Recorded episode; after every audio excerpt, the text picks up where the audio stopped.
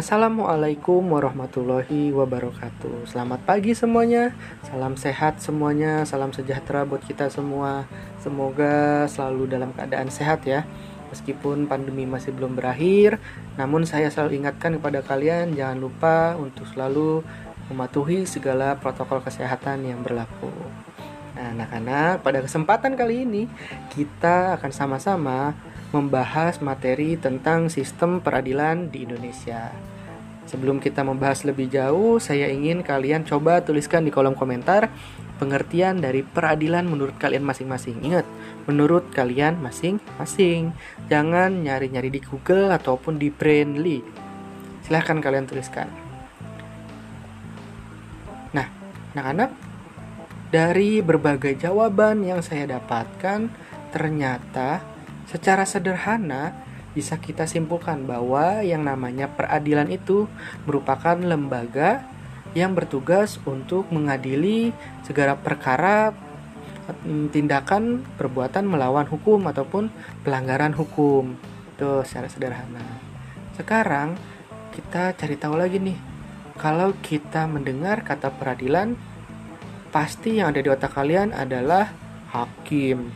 Apalagi gitu misalnya tersangka, polisi, putusan hakim. Nah, itu semua benar merupakan bagian dari sistem peradilan. Nah, apa sih sebenarnya yang disebut dengan peradilan? Peradilan itu di Indonesia ada dua lembaga yang memiliki kewenangan untuk mengurusi tentang pengadilan ini ataupun peradilan ini yaitu Mahkamah Agung dan juga Mahkamah Konstitusi. Wah, udah pasti udah dengar sering dengar tuh Mahkamah Agung dan Konstitusi. Sebenarnya di kelas 10 kita sempat membahas materi ini pada pembahasan tentang pembagian kekuasaan di semester pertama. Nah, anak-anak, sebelum kita melanjutkan materi kita pada pagi hari ini, yuk kita cari tahu dulu nih. Tadi udah tahu tuh apa yang disebut dengan peradilan. Terus apa aja sih? Cara singkat ya, secara singkatnya lembaga peradilan di Indonesia itu apa aja. Nah, sekarang yang berikutnya, kenapa sih harus ada lembaga peradilan? Apa sih yang mendasarinya? Nah, mari kita sama-sama bahas. Pertama, harus kalian tahu yang namanya lembaga peradilan itu sebenarnya di Indonesia itu sudah tercantum dalam Pancasila Wah, kok bisa Pak? Iya, di dalam sila kelima, yaitu keadilan sosial bagi seluruh rakyat Indonesia. Kata-kata ini diwujudkan sama pemerintahan ataupun sama pemerintah Republik Indonesia dengan adanya lembaga peradilan. Supaya apa? Supaya tercapainya sila kelima, yaitu keadilan bagi seluruh rakyat. Nah, selain itu, di dalam konstitusi ataupun undang-undang dasar negara Republik Indonesia itu juga ada materi tentang lembaga peradilan yaitu pada pasal ke-24 ayat 2 dan ayat 3. Silahkan kalian cari tahu lebih jauh isi materi ataupun isi ayatnya ya atau isi pasalnya. Lebih jauh sebenarnya masih ada banyak dasar-dasar hukum yang melandasi ataupun yang menyangkut tentang lembaga peradilan. Cuman secara intinya ada satu undang-undang yang diciptakan oleh pemerintah yaitu Undang-Undang Negara Republik Indonesia nomor 48 tahun 2009 tentang kekuasaan kehakiman. Nah, jadi tadi kita udah tahu nih ternyata dasarnya cuma ada tiga sebenarnya intinya antisarinya menurut saya ya. Kalau menurut buku pasti banyak. Cuman inti sarinya ada tiga menurut saya. Yang pertama adalah Pancasila, yaitu sila kelima. Yang kedua adalah Undang-Undang Dasar nomor eh nomor? Maksudnya Undang-Undang Dasar pasal 24 ayat 2 dan 3 dan juga Undang-Undang Republik Indonesia nomor 48 tahun 2009 tentang kekuasaan kehakiman. Tuh, tiga itu silahkan kalian catat kalau nanti ada pertanyaan tentang dasar hukum, jadi kalian tahu. Oke, selanjutnya membahas tentang apa aja sih lembaga peradilan yang ada di Indonesia. Tadi sedikit saya sudah sentil di Indonesia ini ada dua lembaga yaitu Mahkamah Agung dan Mahkamah Konstitusi. Sekarang apa bedanya? Ayo, ada yang tahu? Ya, jadi Mahkamah Agung ini berbeda dengan Mahkamah Konstitusi. Apa sih bedanya? Mahkamah Agung ini lebih menitik beratkan kepada kasus-kasus di peradilan ataupun perkara pidana umum.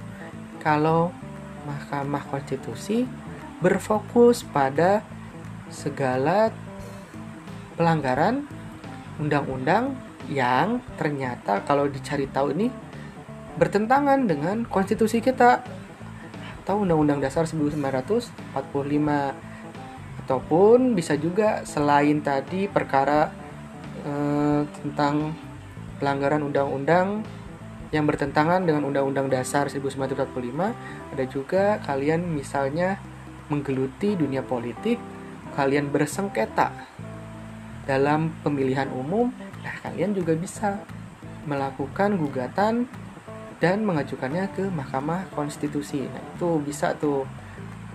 Jadi Mahkamah Agung ini hanya untuk pidana umum. Kalau Mahkamah Konstitusi dia berfokus pada pelanggaran undang-undang yang bertentangan dengan undang-undang dasar. Misal, pemerintah ataupun dengan DPR menghasilkan sebuah peraturan perundang-undangan atau undang-undang, ternyata setelah dicari tahu, ternyata ini bertentangan dengan konstitusi kita yaitu undang-undang dasar. Seperti kemarin ramai tentang pasal-pasal uh, undang-undang tentang apa ya kemarin lupa saya. Uh, yang demo tuh, aduh lupa. Ada yang tahu? Kemarin lupa saya undang-undang tentang hak cipta oh ya cipta itu undang-undang eh cipta undang-undang cipta karya. Salah. Ya undang-undang cipta karya tuh. Nah itu udah diundang-undangkan. Sekarang tinggal kalian ataupun kita semua masyarakat Indonesia mencari tahu apakah undang-undang yang telah disahkan ini bertentangan dengan undang-undang dasar.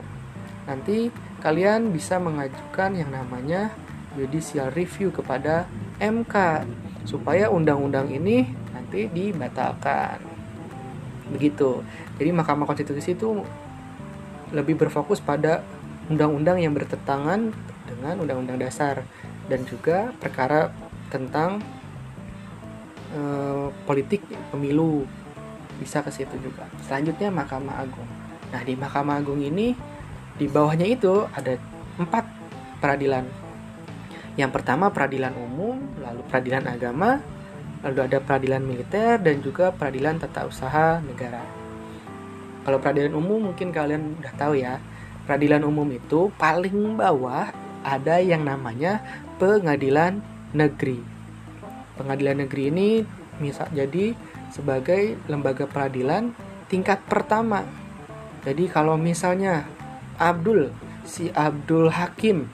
Nah, si Abdul Hakim ini ternyata ketahuan kalau dia mencuri kolor nenek-nenek. Nah, dia mencuri kolor nenek-nenek. Digebukin masa tuh, bonyok, udah hampir meninggal. Ditangkap polisi. Nah, perkaranya dinaikkan ke pengadilan yaitu ke peradilan umum namanya pengadilan negeri di pengadilan negeri si Abdul ini difonis 5 tahun penjara. Ternyata si jaksa nggak setuju nih. Dia pengen si Abdul ini karena keseringan ngambil kolor nenek-nenek harus dihukum lebih berat Pak Hakim. Nah, itu bisa mengajukan yang namanya banding.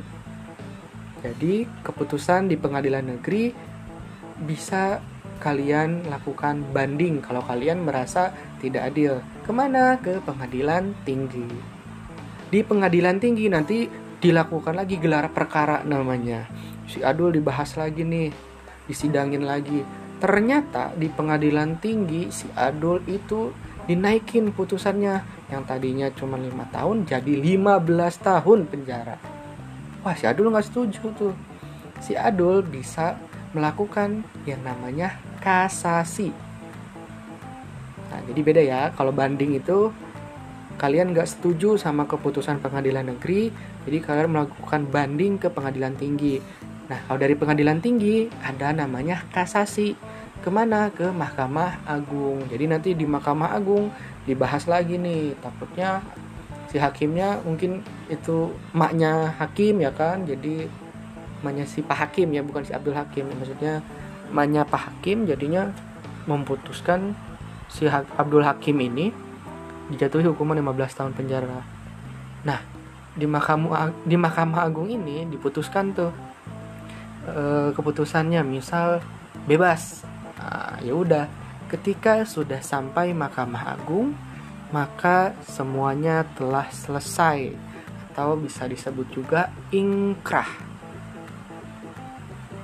Keputusannya sudah berkekuatan hukum tetap. Jadi udah nggak ada lagi nih.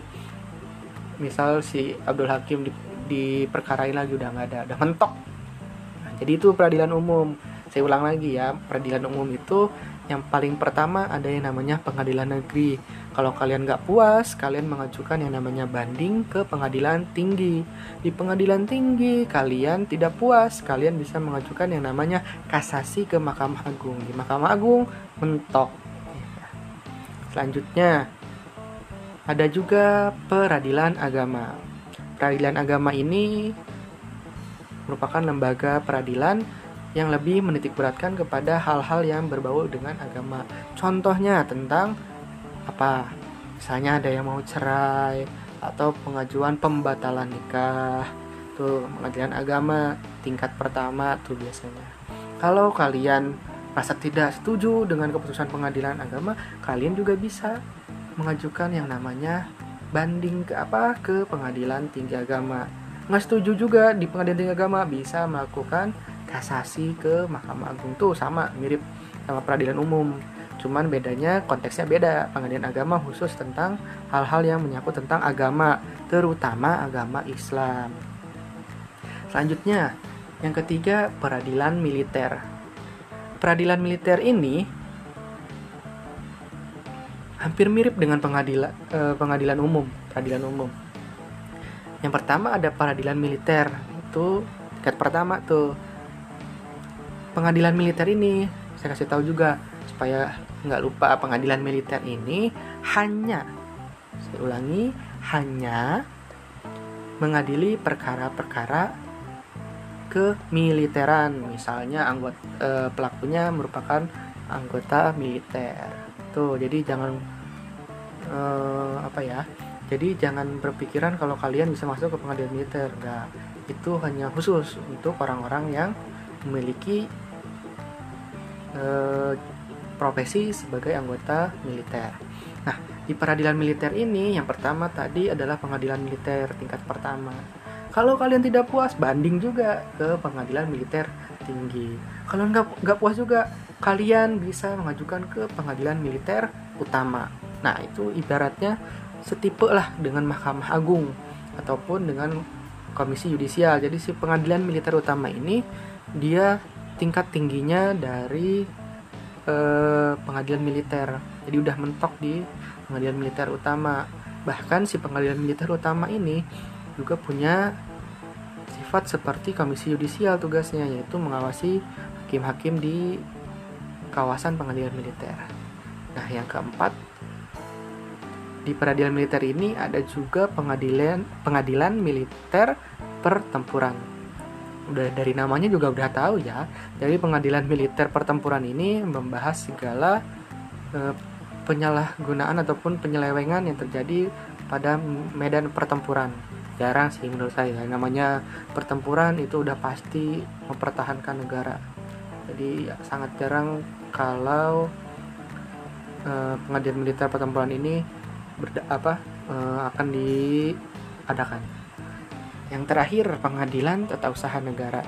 Nah, pengadilan tata usaha negara ini, anak-anak, dia berfokus pada urusan administrasi negara atau tata usaha negara. Apa sih Pak maksudnya?